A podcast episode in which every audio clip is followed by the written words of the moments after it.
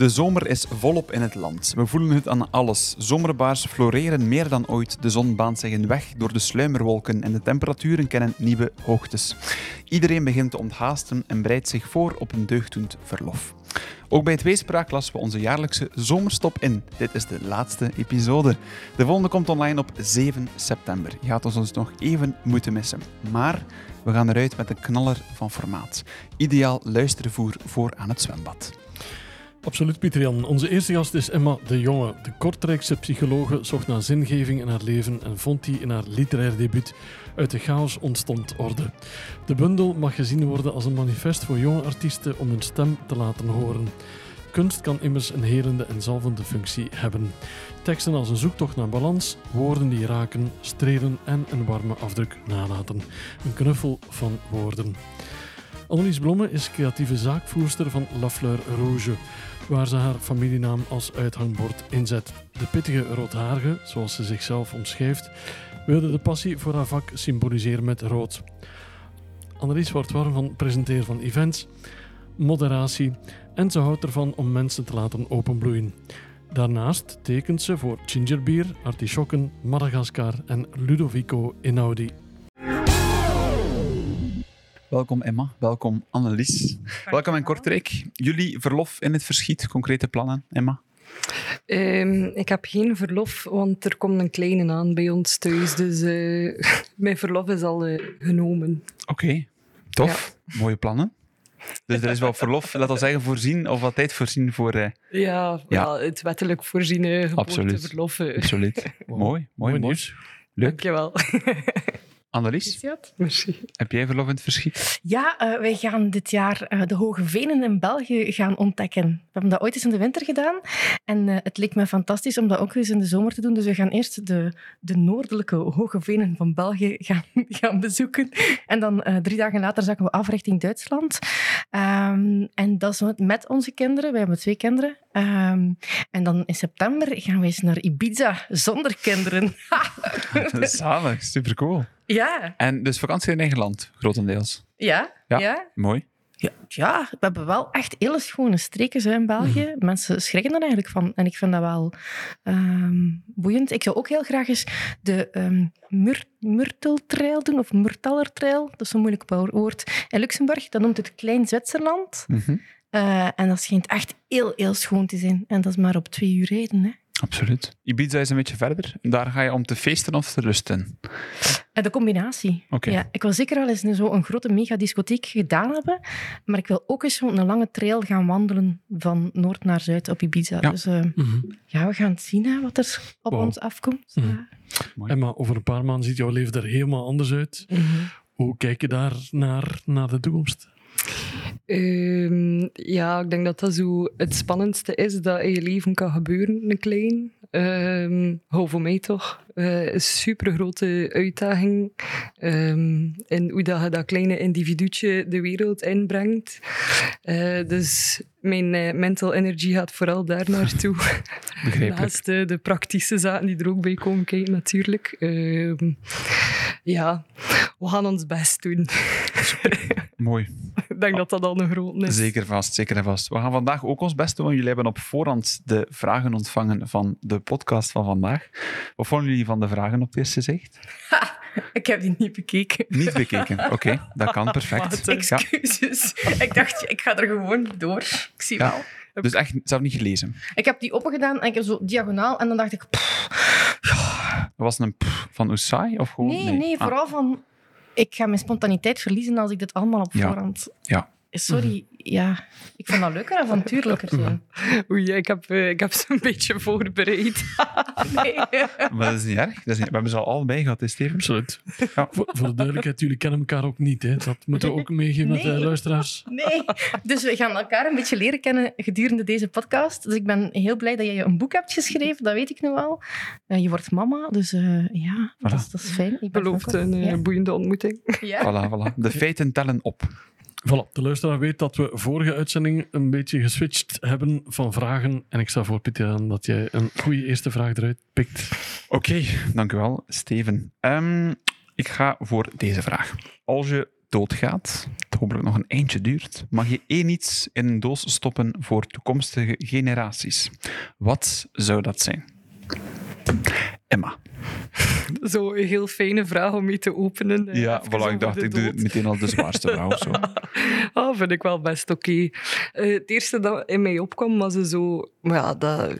Ja, is wat ik had gewoon zeggen.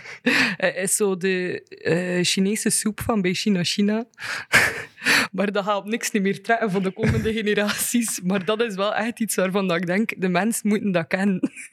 Die is mega goed, zo kip, bamboestukjes. Mm, dat gaat op niks niet meer trekken, nee, maar ja... En China China is een restaurant in de buurt? Het is een Chinees restaurant in de buurt. eh. Origineel van naam wel, moet ik zeggen. Ja. Het is niet te lange muur, dat zal ik even Nee, nee, nee, het is dat. Misschien Maar- kan je het recept in de doos steken. Ah, of zo'n visitekaartje, mocht die dan nog bestaan Staan. of zo? Of de chef-kok. Kan, maar ja, In de misschien- doos. in de doos, ja, wie weet. Die dan de soep opnieuw maakt. Klein beetje En, morbide, en maar- echt dan, ja, China China fan waarschijnlijk. Gewoon eigenlijk, ja, een beetje sponsoring Ja, misschien. maar weet- het is niet dat gesponsord. is niet erg. Nee, nee, zeker. Geen influencer. Maar je bent fan van de soep vooral dan? Ja, Ja. ja, massa soep. Eh, Wat maakt zo apart? Wat maakt ze zo lekker? Goh, eh, het is iets met de smaak. Eh, ja, ehm, kan het niet, je moest het gewoon geproefd hebben. Ja, Ja, ik sta voor dat we Voilà. hierna gewoon doorrijden naar China China. Iedereen akkoord? Het is een deal. Ja, fantastisch.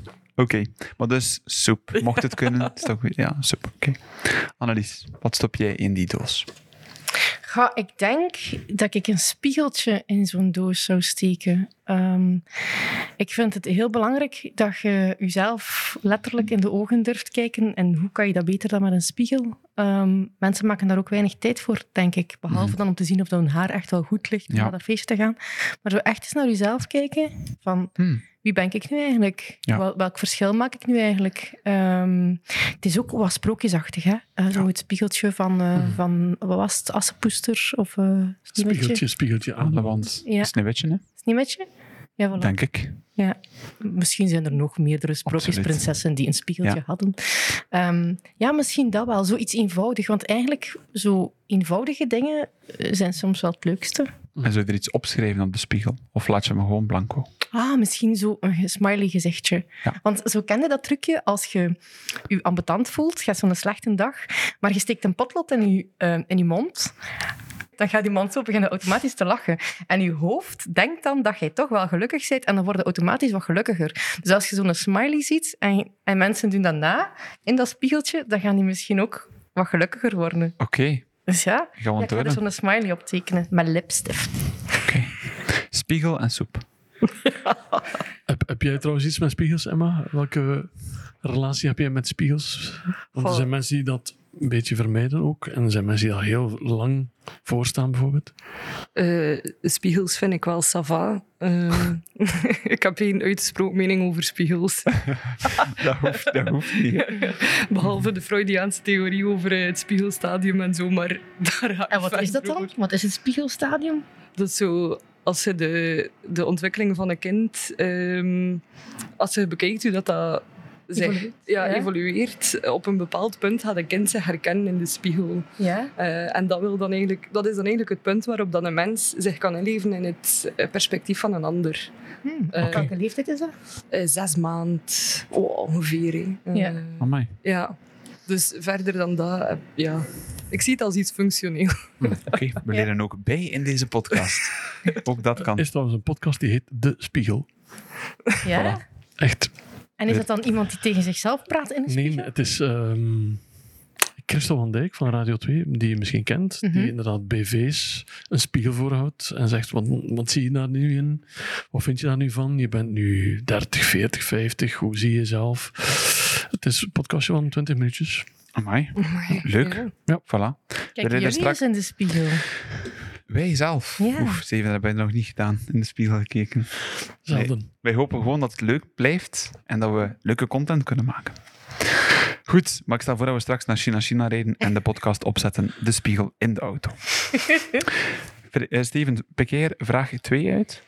Eh, Jullie zien er eh, allebei heel sociale mensen uit. Dat mogen we zeggen aan de mensen thuis, want zij zien jullie niet. Deze podcast wordt niet gefilmd, bijvoorbeeld. Ehm, En dan komen we bij de vraag, hoe staan jullie tegenover de mensen en andere mensen helpen? Wat belangrijk is, denk ik. Daarmee bedoelen we niet eh, de deur openhouden voor iemand of iets oprapen als iets valt, maar echt, echt iemand helpen. Waardoor zijn of haar leven toch een klein beetje een wending kreeg. Mogen we eens bij jou beginnen, Annelies, met die vraag? Ja, ik was net aan het denken. eh, ehm, ik heb afgelopen weekend een vriendin geholpen aan een weekendticket voor Werchter, die dat nog niet had, doordat iemand anders dat op social media gepost had. En ik had zo gezegd, hey, daar vinden nog een. Dus ik weet niet in welke mate dat ik haar leven dan wel heel hard heb beïnvloed. Je hebt daar ongetwijfeld een fijne dag bezorgd. ja, een weekend. Het was een Een weekendticket. weekend, ja, dat ik hadden we gedaan. Ja. En ik heb ehm, eigenlijk, ik kwam van Brussel van een, eh, van een eh, seminarie bij Proximus. En op het perron in Gent stond er een meisje te wenen, maar zo een jonge studente. En dat is wel soms een beetje sterker dan mijzelf. Ik ben er gewoon naartoe gegaan en ik zei, ça va met u? Kan, kan luisteren? En dan zei ze, ja, sorry, sorry. Die was echt, echt diep eh, triestig. Ehm, en die wou zo beginnen aan haar verhaal te vertellen, maar toen kwam de trein die ze nodig had. Ehm, maar dus zo van die dingen, dat doe ik wel een keer. Zo spontaan, spontaan impulsief naar mensen luisteren. Ehm, dus dan hoop ik dat ik dat dan af en toe wel een keer Nee. het verschil kan maken. En je bent er niet mee opgestapt op de trein. Ah nee, dat zou echt wel nog het summum geweest zijn. Nee, ik was, ik was ook al een uur en een half in, in retard en ik kwam naar huis. hè. Maar dus ja, was die trein er niet geweest, dan had ik wel langer naar haar geluisterd. Maar aan de andere kant, ik denk dat ze ook naar, op de trein gestapt heeft met het gevoel van, amai, er is iemand die mij zag en die mij aansprak en die wel wilde luisteren. Ja, dat Je kunt het ook zo bezien, ja, absoluut. Ja. Dus ook helpen, op een Mhm, mooie absoluut. manier. Mhm. Stel dat jij in die situatie bent, Emma, zou je dan ook dat meisje aangesproken hebben? Of, of bewaar liever een beetje afstand? Goh, eerlijk gezegd denk ik van niet. Eh, ik heb zo veel het gedacht van iemand anders gaat het wel doen of zo. Wat dat niet altijd gebeurt dan. Eh, heet het bystander effect. Nog een beetje trouwens. De psychologische podcast aan het horen. Sorry. Je mocht nooit geen sorry zeggen voor de dingen waar je goed in bent. Dat is waar. Ik weet het niet of dat ik er goed in ben. Maar ik probeer dus op die manier wel mijn, eh, mijn steentje bij te dragen. Ja. Ehm, door de mensen dat ik spreek en de ontmoeting dat ik heb eh, vanuit mijn eh, professionele context. Mhm. Ehm, maar uiteindelijk weet je dan nooit echt zeker, denk ik, of dat je de mensen helpt. Ik vind dat precies ook zoiets eh, kolonialistisch of zo. Dat je de mensen helpt, terwijl dat ik meer probeer in te zetten op die mensen hunzelf een oplossing eh, te laten zoeken, iets dat werkt voor hen. Mhm. Mhm. Ehm, dat, dat ligt mij beter. Dus op die manier probeer ik. Maar ik heb bijvoorbeeld ook een keer een hond eh, van op straat gered. eh, dan naar de flitten gebeld. Die hebben dan die chip gecheckt. En dat was dan van iemand in de straat, zo drie straten verder. Mhm. Dus ja, dat dan wel ook. eh. maar die bent- hond was niet aan het weten. Nee. Nee, nee. Maar als je mensen op weg helpt met de goede dingen, eh, wat zeggen ze dan? Leren vissen in plaats van vissen geven, dan is dat toch ook goed? Dat is toch ook Ja. helpen, op weg helpen? Oh, mooie katholieke toets. Absoluut. ja. Ik vind de West-Vlaamse toets hier ook wel heel leuk, zo de vlekken. Dat is zoiets. hè. Ja. Ik heb de vlekken gehaald. Zalig. Leuk. Nee, nee, nee, absoluut niet. Ook dat moet je nooit verbergen, zeker niet van waar hij komt. Nee. Maar ook dat is eigenlijk een mooie daad. Absoluut. Mensen helpen. Moet je de vraag nog aan Emma stellen ook? Wanneer heb jij voor het laatst iemand geholpen? Mm. Ik weet het niet zo goed. Eh, ik probeer overal waar dat kom wel iets van eh, enthousiasme eh, in te brengen. En misschien springt dat dan over op iemand die een slechte dag heeft. Of zo. Ja, in de kleine dingen zit dat meer, denk ik. Mhm. Ehm, soms kan dat ook niet helpen. Maar dan weet je dat ook wel snel. Je zit ook in een job dat je echt letterlijk mensen dagelijks helpt, lijkt me toch, als eh, psycholoog. Mhm. Maar we- we proberen. Ja. Ehm, ah, soms is dat brandjes blussen, maar soms is dat echt een lang traject dat je met mensen kan aangaan. En dat vind ik wel fijn. eh. Ja. ja. Mooi. Mhm. Allemaal mensen helpen. We gaan van hulp naar iets anders die op zich leuk is. Dus mijn favoriete vraag steek ik goed niet weg. Je mag één avond iemand die overleden is of nog aanwezig is onder ons naar keuze uitnodigen voor een goed glas wijn. Wie nemen we Annelies? Een levende. Mag kiezen. Een persoon mag al gestorven zijn of mag nog leven. Als ik een... Wacht, ik zal eerst... Ik heb er twee eigenlijk. Geen probleem, dat mag. Ik, ik heb journalistiek gestudeerd. Mhm. En ik heb dat gestudeerd met de melding... Ik ga Arno interviewen. Dat wordt het moeilijkste interview van mijn leven, maar ik wil dat absoluut graag doen. Mhm. Ik vind dat een fantastische zanger. Ik vind dat ook een chaot. Ik vind dat ook altijd aantrekkelijk. Ehm, hij lag op zijn sterfbed en dan heb ik de courage pas gehad om zijn manager te bellen en te zeggen hallo, ik zou graag een keer een interview doen met Arno. Dat kon niet meer. Dus daar heb ik mega spijt van. Dus als ik een van de doden mag doen herreizen, dan is het Arno. Ehm, als ik een van de levenden mag interviewen, dan is het Frida van Wijk. Dat is mijn persoonlijke godin. Ja, Oké. en ik denk dat hij wel graag wijn drinkt ook. Ja. Voor de mensen die Frida van Wijk niet kennen, want we hebben ook jongere luisteraars Ja. natuurlijk. Wie is dat, Frida van Wijk? Frida van Wijk was ehm, een journalist ter zake Zevende Dag. eh, VRT-journaliste, heeft eh, ook eh, de laatste show gepresenteerd. Is een vrouw met ongelooflijk veel ehm, humor. Maar zo van die humor die zo langs haar neus weg ehm, passeert. Zat ook ehm, in een programma samen met de hoofdredacteur van Humo. Ehm, ik kan even op zijn naam niet komen. Guy Mortier. En dan samen met... Mark Uiterhoef. Mark, eh, Mark Uiterhoeven, ja, voilà, in legendarische programma's. Een hele intelligente mevrouw ook. En die heeft zo'n joie de vivre waar ik ongelooflijk ja, eh, naar opkijk. Schijnt dat je nooit na- met je idolen mag dwepen, maar dat lijkt me wel tof om daar toch een keer En was bij mee te ik, ga, ik ga jou jaloers maken, want ik heb ze ooit mogen interviewen. Echt? Heel sympathieke mevrouw, Limburgse mevrouw, die dat accent ook niet wegstak, maar heel spontaan en inderdaad, zoals je zegt, heel intelligent ook. hè. Eh, Ja. Veel levenswijsheid, en mij ook nog. Mooi. Ja, ik, heb haar een mailtje ge- ik heb haar een mailtje gestuurd of ze in mijn, mijn podcast wil komen.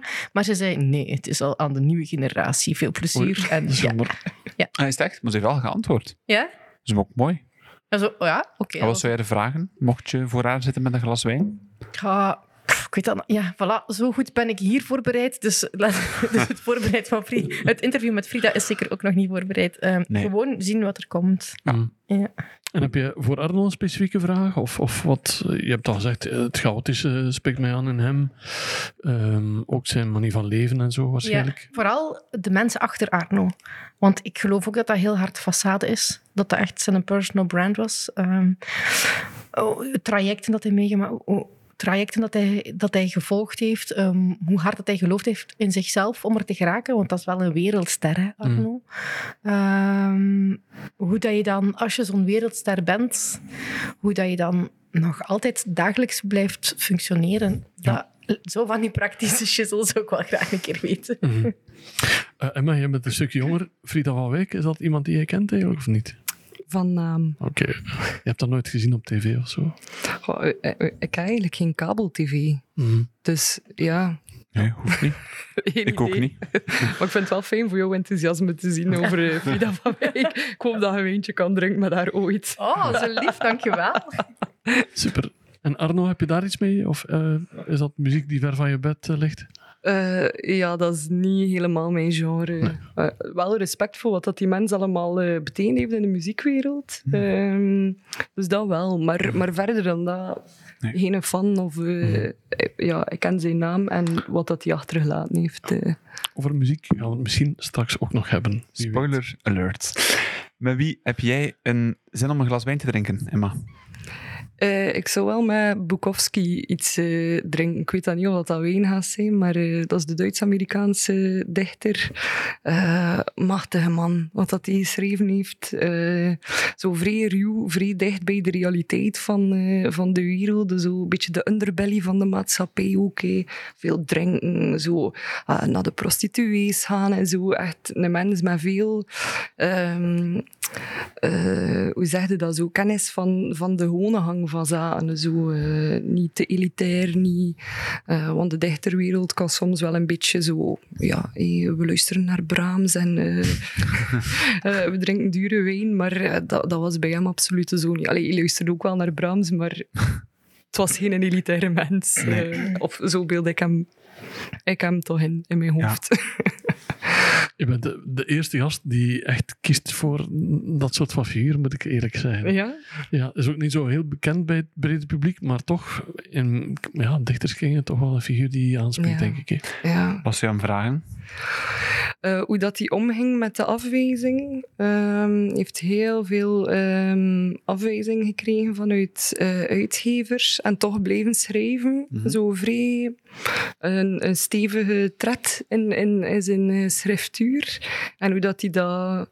Maar eigenlijk kun je dat lezen in zijn gedicht, hoe dat hij ermee omging. Hij ging gaan houden op de paard en die dronk hem kapot. Maar zo eh, emotioneel gezien, hoe dat hij daarvan recupereert, van eh, al die afwijzing. En dan dat dat eigenlijk maar postuum zo'n bekende mens geworden is Mhm. om zijn werk.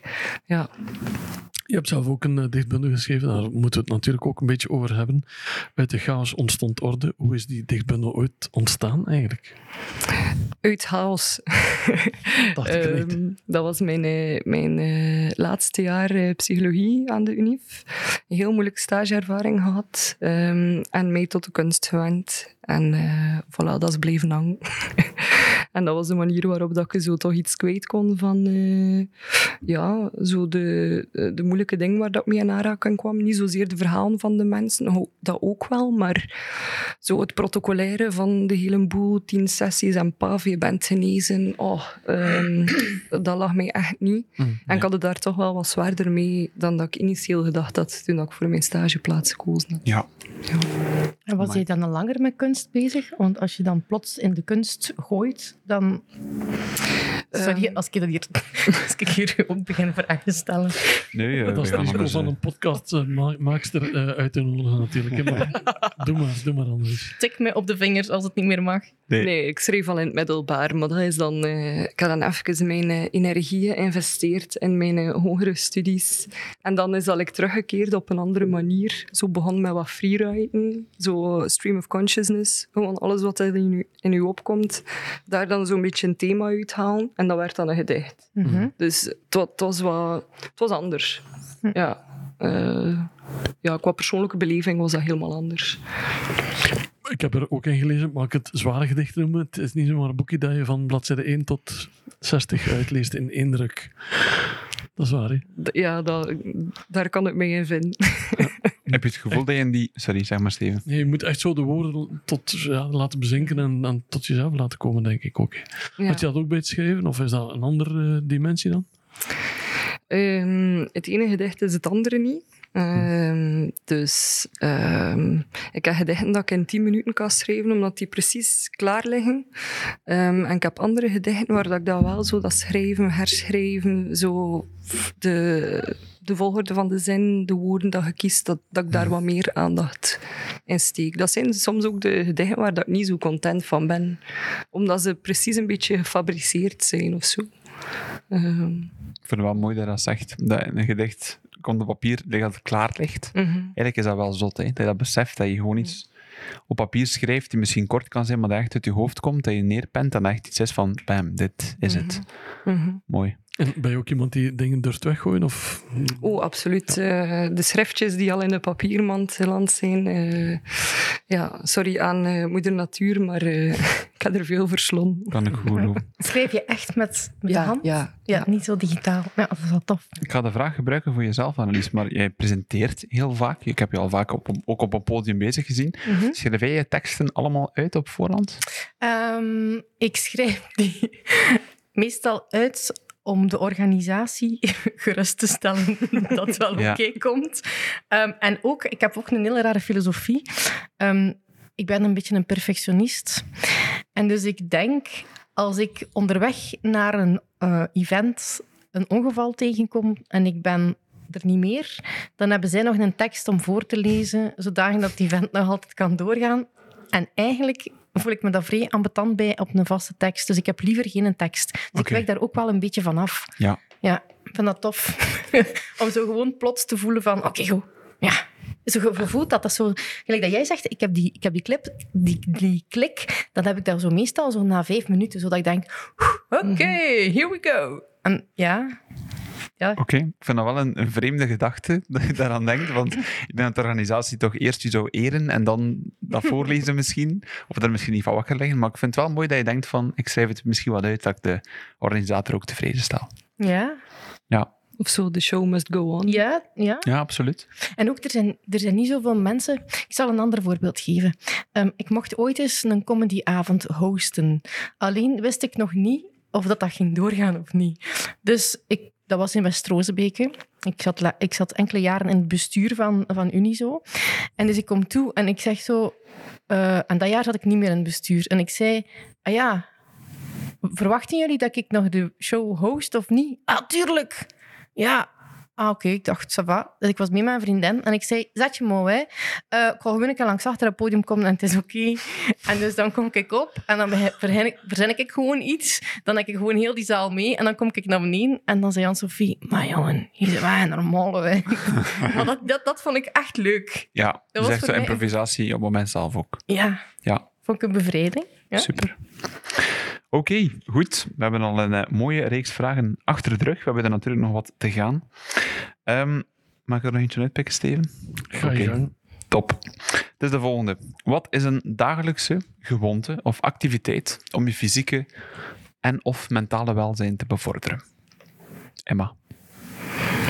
Ehm, eh, ik denk dat ik een van de meest ehm, niet fysiek ingestelde mensen ben op de wereld. ik ben totaal niet bezig met zo sport of zo gezond leven. Eh, ik denk, leef maar één keer, dus dan, dan doe ik het beter goed. eh à la Bukowski. Ehm, eh, zonder het alcoholprobleem, weliswaar. Maar ik wandel wel graag, ik wandel veel. Ehm, als ik het kan te voet doen, dan doe ik het te voet, eh, ook al is het een uur. Want je bent de eerste gast die echt te voet van huis naar hier bent Ja, gestapt. Dat klopt. mogen we even meegeven. Mooi. Dus, maar het is niet met de insteek om, om een betere fysieke gezondheid te hebben, maar gewoon, ik wandel gewoon graag. Ja. Eh, ja. En helpt dat ook om je eh, psychische huishouding binnen jezelf, als ik het zo mag zeggen, op orde te houden? Ehm, Want dat was ook een beetje de insteek van de vraag. ja.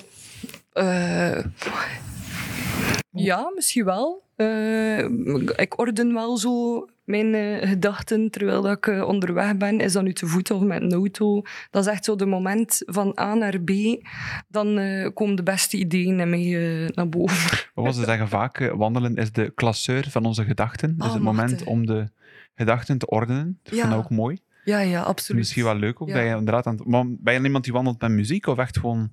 Ja, met muziek. Ah, dat altijd met muziek. Ja, altijd. ja, Ja, ja, ja. Oké, mooi. De klasseur van onze gedachten. Ja, ik mooi, vind dat een mooi woord ook trouwens. Oh. De klasseur. Ja. Goed. Dat is ook West-Vlaams. Ja, maar die mag dat. Annelies, Um, wilde nog een keer uw vraag her- ik wil dat zeker stellen? voor jou. Absoluut. Ehm, welke dagelijkse gewoonte heb je om je fysieke of mentale welzijn te bevorderen? Ehm, het- ik, ik denk koffie drinken. Mhm. dat klinkt misschien heel raar, maar ik moet mijn dag starten met koffie en dan pas is die goed begonnen. Oké. Want anders is, komt dat niet goed. Ehm, ik zou willen stretchen en, en van alles en nog wat. Eh, maar dat gaat niet, want meestal word ik wakker. Ik heb twee, wij hebben twee zonen. Ze tellen voor drie. Dus als ik, als ik opsta, is dat meestal al zo gejengel in de keuken. En dan loop ik voorbij de wasplaats. En dan denk ik, ah ja, ik ga eerst nog de droogkast uithalen. Ja. En dan een wasmachine insteken. En dan kom ik in de keuken. En dan is het al een beetje chaos. En als ik dan denk, oh, koffie. Dan is het zo terug. Ja. Oké. Dus altijd elke ochtend koffie. Ja, minstens Ja. één tas. Ik ga ook een, weetje meegeven trouwens. Eigenlijk, een koffie heeft pas effect na een half uur als je wakker bent. Want daarvoor leven we nog op de kick van wakker te zijn. Dus eigenlijk het echte effect van de cafeïne is pas na een half uurtje. Ja, Geef ik even mee. wanneer de kinderen eigenlijk uit het huis Voilà. En ik, hoor, ik hoor dat dat bij jou perfect in de planning past. Dus eh, Ja. Of je kan een half uur vroeger opstaan. dat kan ook. Dat kan ook. Ja, Ik dat heb, kan een, ook. ik heb een eindje dat voor mezelf geclaimd. Om 5 uur 30 opstaan, om 6 uur gaan sporten of gaan lopen.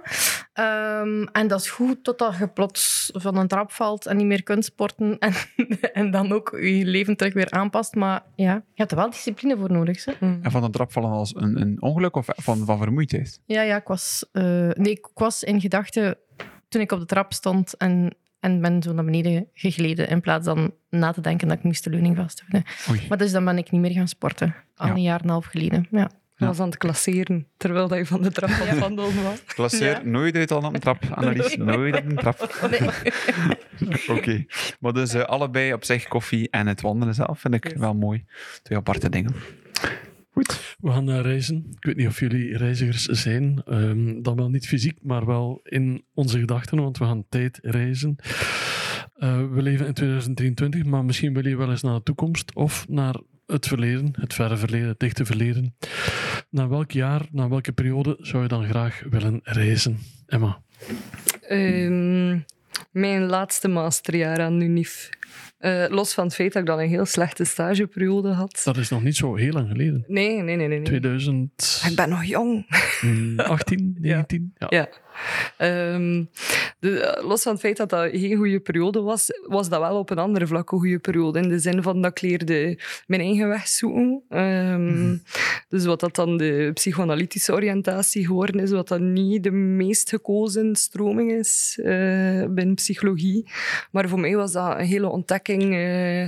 eh, sta ik daar ook helemaal achter, achter die visie. En is zoveel mensen ontmoet, zoveel verhalen verzameld.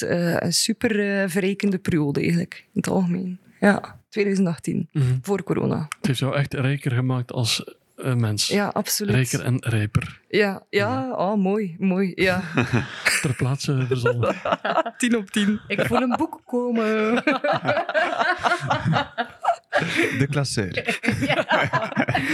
Ja, ja, dat zou wel een schone aanvulling zijn, want bij jou was het eh, orde in de chaos en dan de klasseur. Dat zou wel een schone aanvulling kunnen zijn eigenlijk. Ja, ik voel iets komen. We gaan daar achteraf bespreken met de soepje. Ja. Goed, we gaan de vraag ook stellen aan Annelies. Als het over tijdreizen gaat. Naar welk jaar, Annelies? Goh, naar welk jaar? Mag ook een periode zijn. Ehm, goh, toen dat jij zei de master, eh, dan dacht ik, goh, misschien het jaar waarin dat ik geboren ben, 1984, wil ik wel een keer die beginjaren. Je beseft dat toch niet zo goed, hè? Allee, ik toch niet. Ik, ik weet maar... Ik weet, in het derde kleuter werd ik grote zus. En de tijd ervoor, daar weet ik eigenlijk niet meer zoveel van. Dus misschien met een bewustzijn. Vanaf hoe... Dan vragen aan Emma van... Maar ja, het is echt, vanaf hoe, hoeveel jaar kan je onthouden, zeg maar? Of Ehm, dat verschilt een beetje van persoon tot persoon. Maar eh, de vroegste herinneringen dateren denk ik terug tot je derde levensjaar. Oeh. Iets daar rond. Zegt dat, nu, zegt dat nu iets over mijn IQ? Ja. Oké, let's face it. For joking purposes only. Ja, maar ja, ik denk, ik denk echt niet. Nee, ik weet echt niet vroeger. Nee. Nee? Ja, dat kan. Weet het jij nog vroeger? Wat is je vroegste herinnering? Goh, eh, ik weet nog... eh, ik kan er like geen leeftijd op plakken, maar ik weet wel nog dat mijn... eh, de allereerste vraag dat ik eh onthouden heb, dat ik gesteld heb aan mijn broers, dus mijn broers schelen heel veel in leeftijd met mij, ehm, was wat dat, dat is, oorlog. Dat is de, de vroegste vraag dat ik mij herinner. Dus ik denk dat ik dan iets van zes jaar of zo moet geweest zijn. eh. al de rest verdrong, maar misschien maar goed ook. Zes, dat is ook derde kleuter, hè? Ja, of ja, eerste leerjaar derde kleuter. Zo van nog, hè. Dat is op hetzelfde niveau. Hè. Ja, we zitten op hetzelfde niveau. Ah, my Geruststelling. god. Pressure is gone. ik weet wel nog, misschien moet ik dat wel nog een keer vertellen. Het is wel heel raar. Dus ik was twee en ik praatte al heel mooi. Dus ik had een enorm ruime woordenschat. En ik weet nog dat mijn mama en mijn papa hadden thuis een plantenkwekerij. Eh, koolplanten. Dus eh, mensen belden dan om bestellingen door te geven. Dat was toen nog in die tijd. Fax of telefoon. Ehm, en ik weet nog dat ik de telefoon opnam en dat ik gewoon antwoordde. En dat ik gewoon zei dat alles in orde was. En dus net zoals dat mijn mama en mijn papa dat deden. Van, eh, oh ja, het is goed, het is genoteerd. En, en, en, en, en. en dat mijn mama zo plots echt kwam en zei van, maar meisje. Allee, en dat ze overnam. En dat ze zei tegen die meneer, ja, sorry, ik kan het nog een keer herhalen, want dat was mijn dochter. En die zei, en hoe oud is die dochter? Twee. En die, die man die snapte dat niet, dat ik al zo'n... ja, ik weet het niet, een commerçant was of alles eh doorgaan. En ze dat veel klanten verloren omdat er bestellingen niet doorgegeven zijn. eh. Nee, ik denk, ik denk dat ze er net gewonnen zijn door mijn charme als kleuter. Absoluut. Oh, mooi, mooi, mooi, mooi, mooi. Het was een doel, het was een doel om te doen wat je doet, Annelies. Het, was een vo- het was een voorzet die je hebt binnengekopt. Dat was het. Ja, dus dat, ik moest het nog goed maken van daarnet. Absoluut. Goed, we gaan door naar een volgende vraag. Er staat trouwens een mooi boek over 1984, 1984 van George wel, als ik me Ah, niet ja. vergis. Ja, Ja. ja. Met Big Brother, hè? Ja. Die hele theorie van Big Brother is Klopt. daar al eh, ja, uitgeschreven. Mhm. Dat is trouwens de eerste marketingcampagne van Apple, 1984. Ik Voilà, ging voilà. gewoon nog toevoegen, het schijnt dat 1984 een heel goed wijnjaar was ook altijd. Dat gaan we eens vragen aan eh, een van onze vorige gasten, Gianluca. Gianluca was uh, sommelier van het jaar. Ah, oké. Ik moet de vragen aan, eh, aan hem. We gaan naar een iets serieuzere vraag, die ik toch nog even wil stellen. Als je leven plots binnen enkele weken zou eindigen, wat zou je meteen doen en wat zou je onmiddellijk laten? Annelies. Het is wel het is een beetje frappant dat je dat mij nu vraagt. Ehm, ik heb een paar weken geleden afscheid genomen van een vriendin. Mhm. Eh, en niet zomaar de eerste. Dat was, ehm, denk al de achtste vriendin. Of, of goede, goede connectie die er Mhm. niet meer is. Dus ik stel, mij vraag, ik stel mij die vraag heel vaak. Wat als? Als het nu nog twee weken is, wat ga je doen? Dan pak ik mijn kinderen...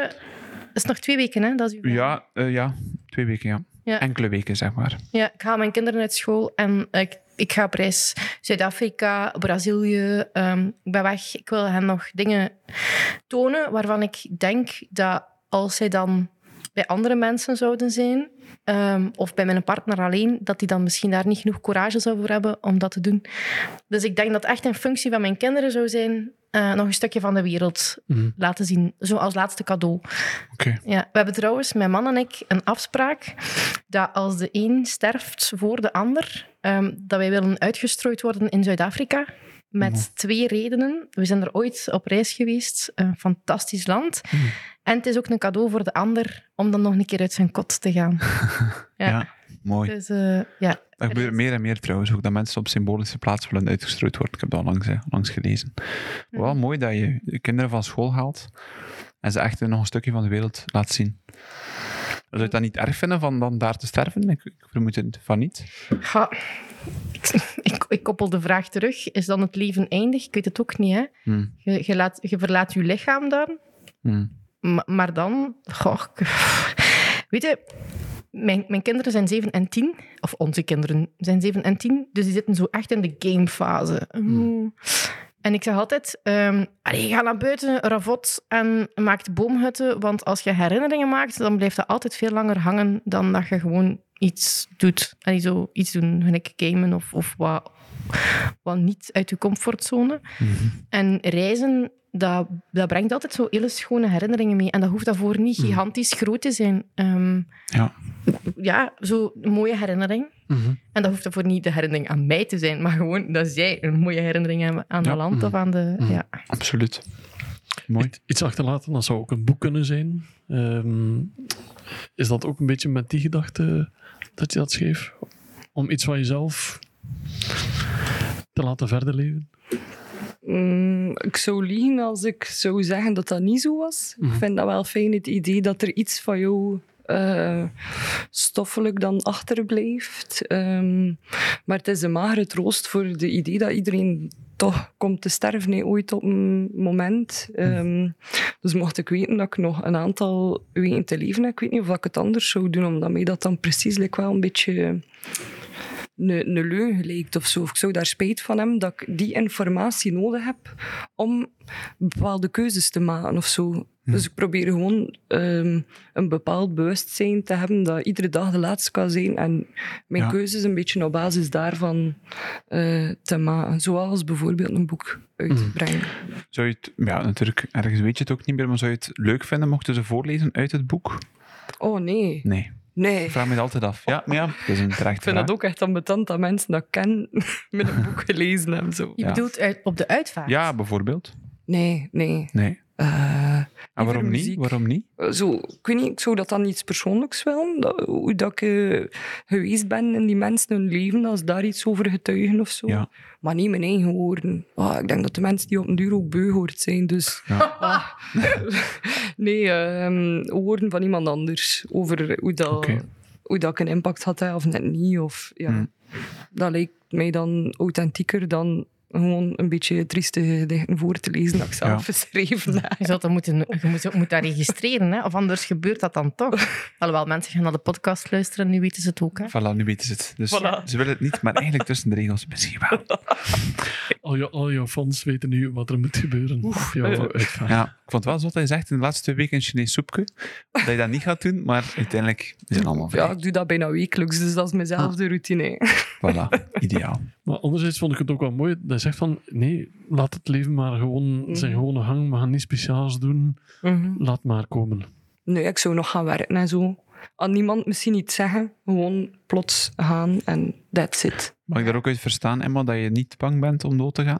Bah, nee, toch wel, hè. iedereen is bang om dood te gaan. Maar hoe dat je ertoe verhoudt, dat, dat verschilt. Hè. Ja. Ehm, Vind je dat, dat iedereen bang is om Ja, dood te gaan? ik- ben niet bang om dood te gaan. nee, kun je dat zeggen als je nog niet dood gegaan bent? Maar ik weet niet wat dat is. En zit je er dan niet bang voor, je Nee. niet weet wat dat is? Nee. Beetje bang voor het onbekende. Dat heb je niet.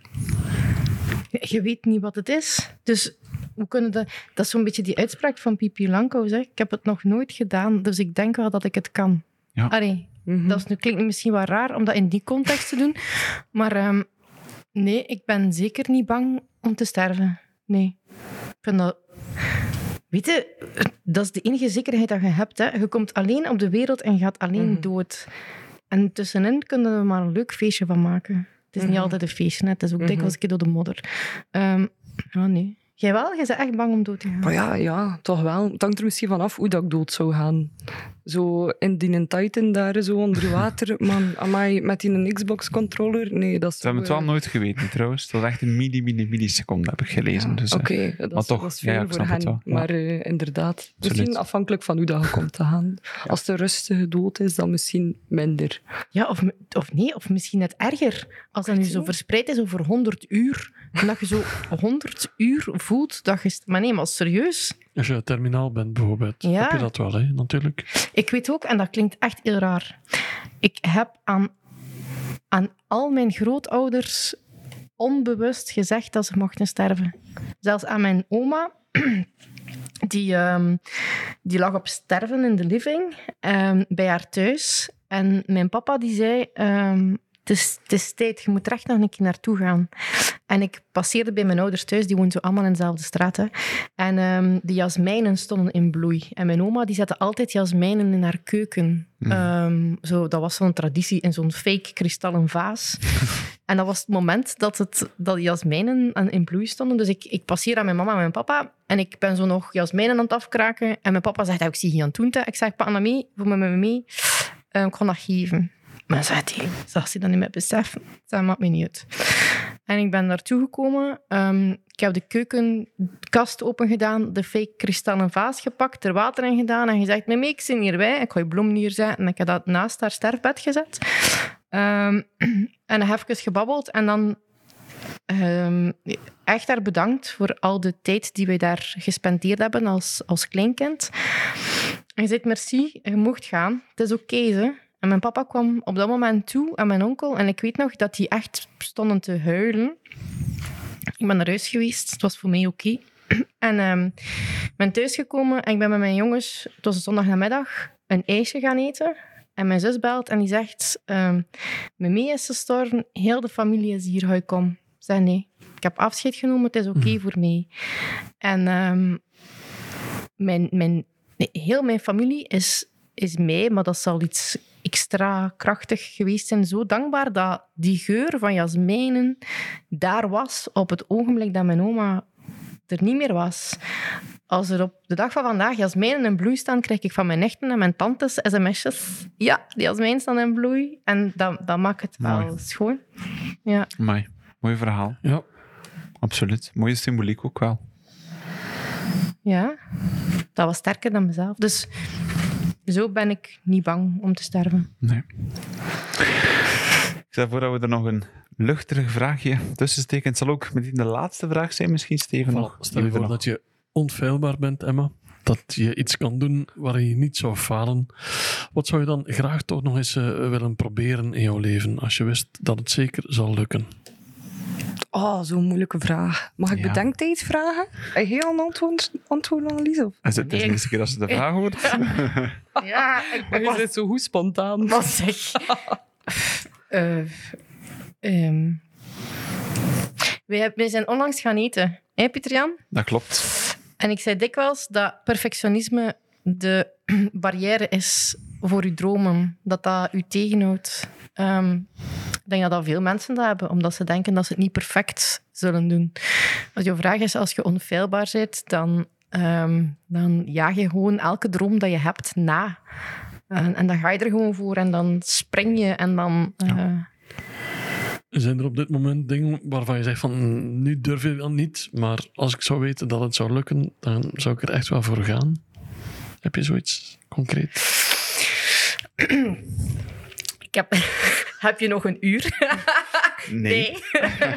ik heb al een paar dingen, maar ik heb wel dikwijls het gevoel dat ik tegengehouden word door iets dat ik... ehm, ik, zou, ik droom van mijn eigen laatste show. Voilà. Op de VRT. Eh, dat mag volgend jaar. Ik heb het tijd in mijn agenda. Eh, en dan nodig ik jullie allemaal uit. Ja, Yes. Als Daar- gast. ja. dat. Absoluut. Mooi. Ja. Mooi. De nieuwe, de nieuwe Frida van Week. Frida, van Wijk. Frida en Annelies, stel je voor. Oh, en een ja. show samen. Zo echt. We regelen dat. Echt? Meen het? We gaan proberen. Je krijgt meer dan een fles wijn. dan. Voilà, hopla. Emma, laatste vraag ligt bij jou. Je bent onfeilbaar. Wat doe je?